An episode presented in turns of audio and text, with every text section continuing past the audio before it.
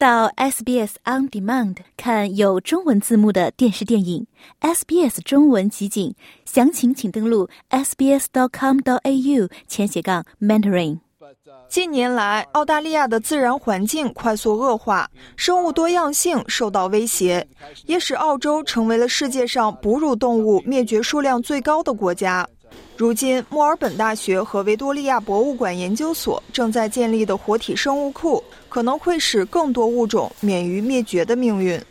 墨尔本大学研究员 Andrew Pask 安德鲁·帕斯克教授说。我们从这些动物身上培育细胞，然后把它们冷冻在这些罐子里，让这些细胞无限期的处于冬眠状态。所以，只要获得这些活细胞，这些材料在有物种灭绝时就能用起这些细胞，重新来创造这些物种。长期以来，安德鲁·帕斯克教授都在从事恢复灭绝物种带狼的工作。他表示，活体生物库项目对于未来其他物种的恢复工作意义重大。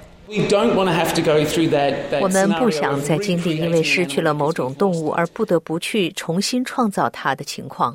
这种方式的好处是我们实际上保存了动物的活细胞，这样就不必重新的去创造这个物种。目前，包括鼹鼠和维多利亚草原无耳龙等在内的十四个物种的细胞已被冰冻保存。团队计划在三年的时间内收集并保存一百种濒临灭绝的物种样本。维多利亚博物馆研究所研究员 Joanna Summer 乔安娜·萨姆纳博士说。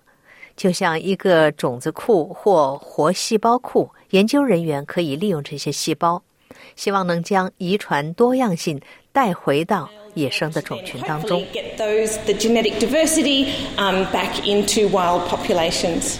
澳大利亚保护基金会表示，目前已有两千多种动植物和生态系统被列入了国家濒危物种名单。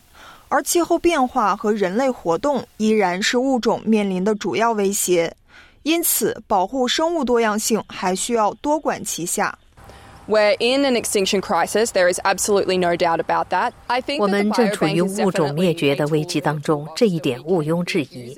我认为生物库绝对是保护澳大利亚自然工具箱中的一个好办法，但它绝对不是解决我们所有问题的灵丹妙药。该项目还将推广到全澳各地的其他研究机构，以使更多濒危物种得到保护。我们正在进行的这项研究和拨款的一部分，就是和新南威尔士州的澳大利亚博物馆合作，让他们也采用这项技术，这样就能保护澳大利亚的众多物种。想在 SBS 当一回影评人吗？SBS On Demand 正在推送配有中文字幕的热门影视作品。您只需观看一部或以上影视作品，并把影评观后感发给我们，就有机会赢得一份 SBS 精美礼品。